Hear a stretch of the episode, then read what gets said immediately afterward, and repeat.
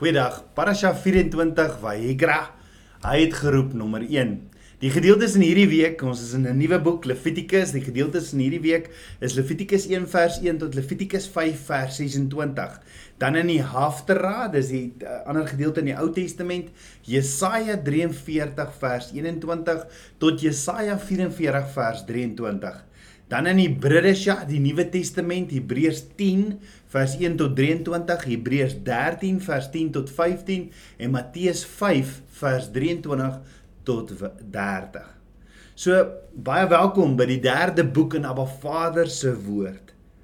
Ek het altyd gedink die boek Levitikus handel oor die oor die Levitiese rituele en is en is spesifiek geskryf net vir die Lewiete. Maar Papa God het my kom leer sy skrywe in Levitikus Levitikus gaan baie meer oor die feit dat hy my en jou roep. Hy roep ons ja. En maak vas die safety welde want hierdie gaan 'n lekker journey wees deur die boek Levitikus. Maar Vader roep ons na 'n shema, 'n heer listen and obey leefstyl van intimiteit.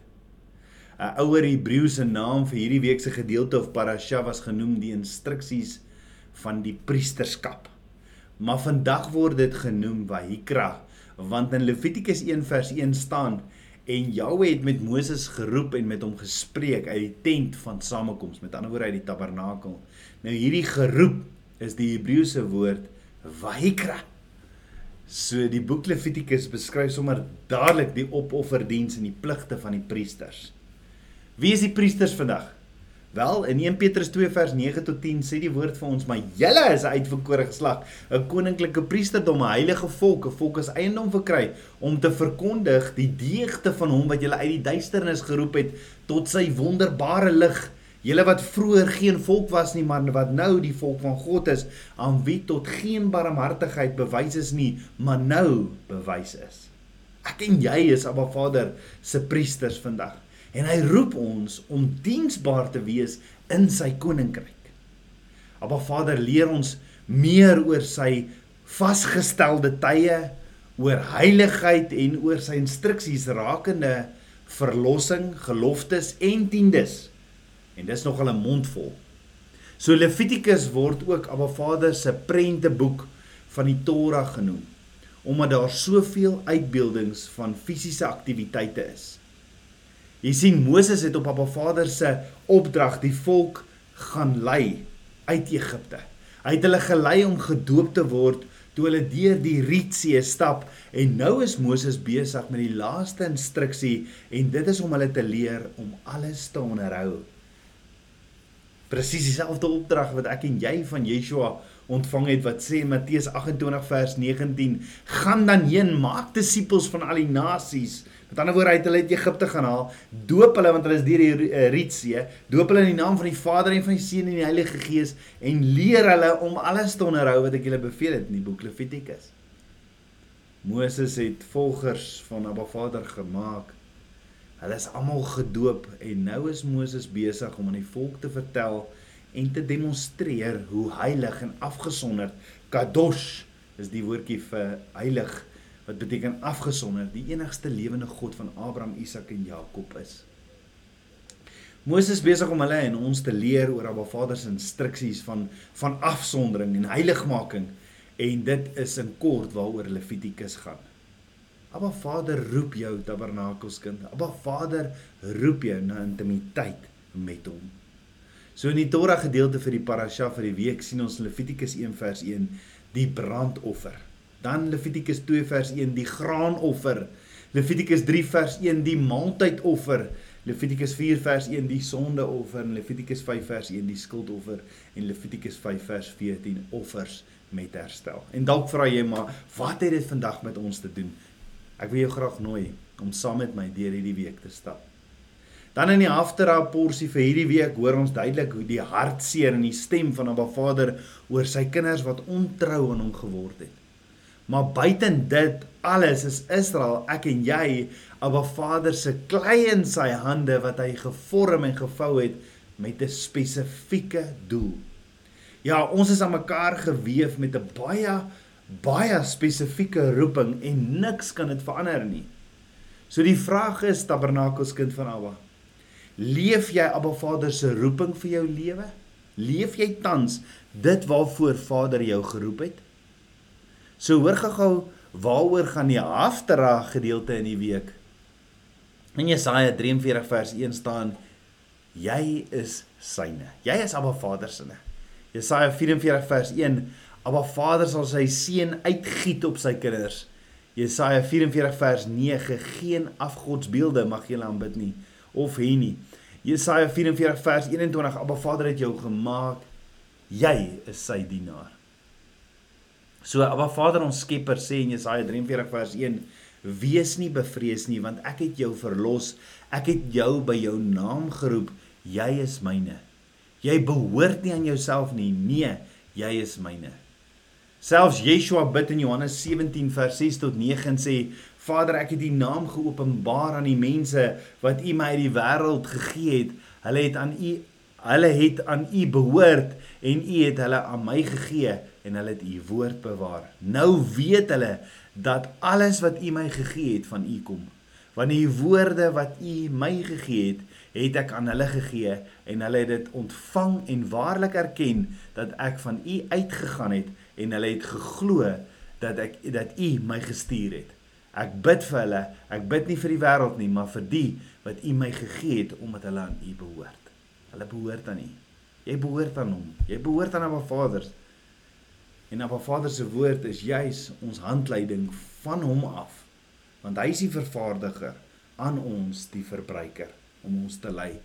So in hierdie handleiding van Abba Vader leer ons presies hoe om dit te doen waarvoor hy ons geroep het.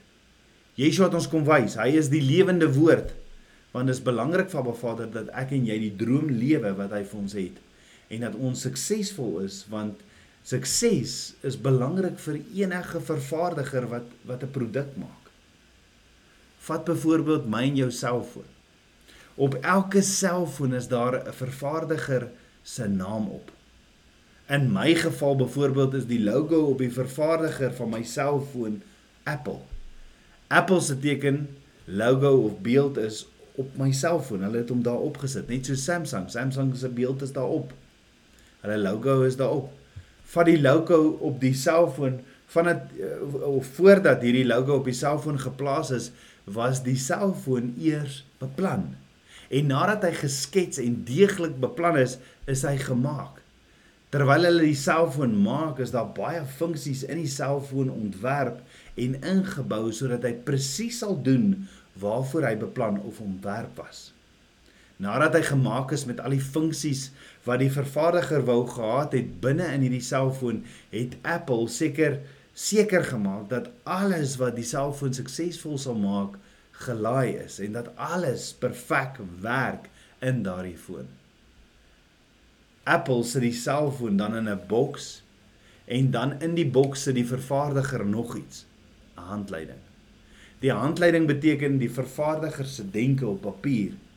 As jy nooit na handleiding gekyk het nie, voorop staan voor die ge produk gebruik word, lees die handleiding volledig.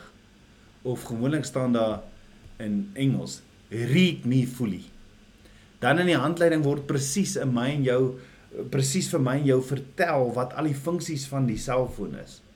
Daar staan presies waarvoor jy jy hom kan gebruik en hoekom Apple hom gemaak het. En Apple is trots op sy produk en gee dan al die nodige advies om dit te doen waarvoor hy gemaak is. Daar is ook sekere moets en moenies ehm um, of instruksies wat geonderhou moet word vir die waarborg op die produk. Let wel, die sukses van die selfoon is belangrik vir die reputasie van Apple as maatskappy. So die produk is baie belangrik vir die vervaardiger. En Abba Vader leer my ek en jy is sy produk. Want Abba Vader het ons volgens sy beeld geskape. Voordat Abba Vader ons egter geskaap het, was daar 'n plan en 'n droom vir my en jou lewe. En toe het Abba Vader ons handmade gemaak en sy asem in ons geblaas met al sy nodige gawes en talente sodat ons suksesvol kan wees vir die drome, die plan wat Abba Vader vir ons het. Abba Vader het alles in ons perfek gemaak en gesê dit is stof of dit is goed. Abba Vader het ons vervaardig volgens sy beeld en die eerste ding wat Abba Vader op ons gesit het is sy beeld. Dan het Abba Vader ons 'n handleiding gegee wat presies vir ons sê wat se funksie binne in elkeen van ons is.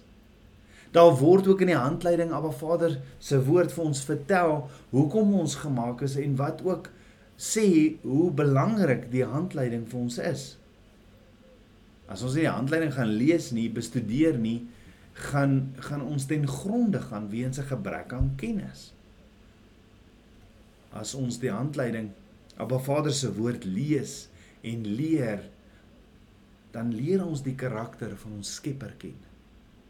Daar is daar is moeds en moenies en stappe wat ons presies wys hoe al die funksies binne in ons werk en hoe ek en jy moet funksioneer. As ons dan in Yeshua Messie, die seun van God glo en in verbond leef met Abba Vader volgens sy voorskrifte uit liefde uit, is daar ook vir my en jou 'n waarborg van die ewige lewe.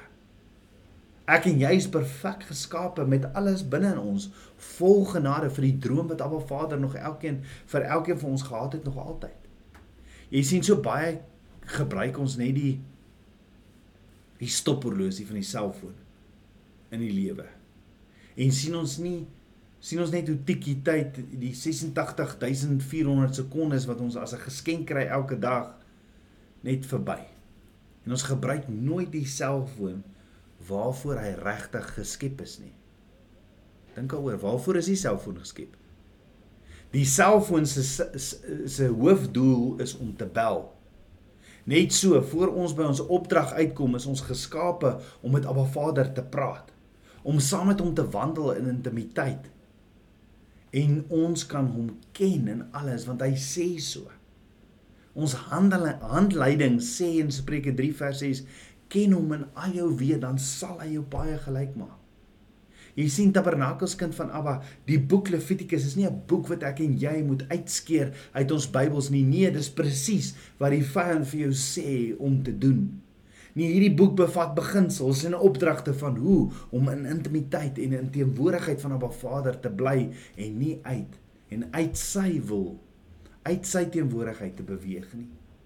Hoor gou wat sê Abba Vader in Jesaja 43 vers 21 tot 25. Abba sê: "Die volk wat ek vir my geformeer het, hulle sal my lof verkondig. Nogtans het jy my nie aangeroep o Jakob dat jy jou vir my sou vermoei het nie o Israel. Jy het vir my nie gebring die klein vee van jou brandoffers nie en met jou slagoffers het jy my nie geëer nie. Ek het jou geen oorlas aangedoen met spysoffers en jou nie vermoei met wierook nie." Jy het vir my geen kalmoes met geld gekoop en met die vet van jou slagoffers my nie verkoop nie, maar jy het my oorlas aangedoen met jou sondes. Jy het my vermoei met jou ongeregtighede. Ek, ek is dit wat jou oortredinge uitdelg om my ontwil en aan jou sondes dink ek nie. Met ander woorde, Abba Vader sê, al het jy nie vir hom in die waarheid en in gees aanbid nie en al het jy hom in oorlas het jy hom oorlas aangedoen met jou sondes en al het jy hom vermoei met jou ongeregtighede is nog is dit nog steeds hy wat jou oortredinge uitdelg om sy ontwil en aan jou sondes nie dink nie. Hoekom? Want jy behoort aan hom kind van God. Jy is syne. So om oor te ponder. Hoekom hoekom nou weer met Abba Vader? Hoekom het hoekom nou weer het Abba Vader vir Moses gestuur? Om sy volk te gaan verlos uit Egipte? Of hoekom het Abba Vader sy enige gebore seun gestuur om my en jou te kom verlos? Kom ons bid saam. Abba Vader, koning van my hart, Vader, ek loof en ek prys U. Vader, dankie dat U woord sê ek behoort aan U. Met my alles wil ek U dien en U eer, U glorie bring, Vader. Vader, vergewe my my as ek u teleurstel en u koninkryk skade doen. Papa God, kom leer my om u te laat glimlag in alles wat ek doen. Vader, ek wil ek wil nie 'n plastiek verhouding met u nie. Nee.